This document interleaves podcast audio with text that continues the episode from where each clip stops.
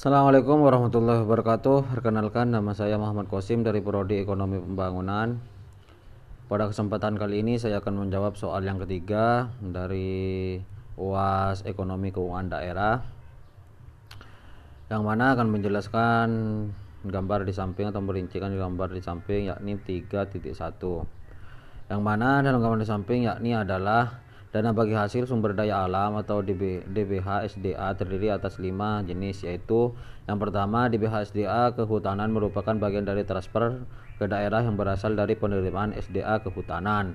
Yang kedua DBH SDA minyak dan gas bumi atau migas merupakan bagian dari transfer ke daerah yang berasal dari penerimaan atau SDA minyak dan dan gas bumi.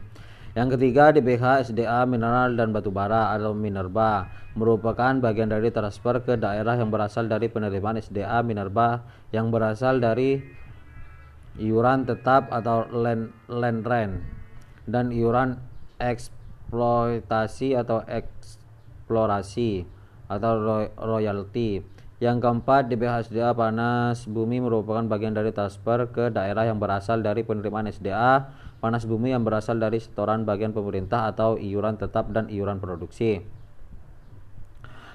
Yang kelima, DBHSDA perikanan merupakan bagian dari transfer ke daerah yang berasal dari penerimaan SDA perikanan.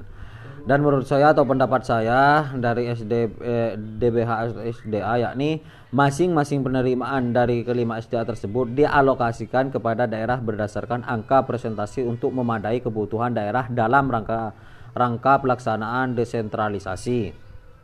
Mungkin ini yang bisa mungkin ini yang bisa saya sampaikan kurang lebihnya mohon maaf. Wassalamualaikum warahmatullahi wabarakatuh.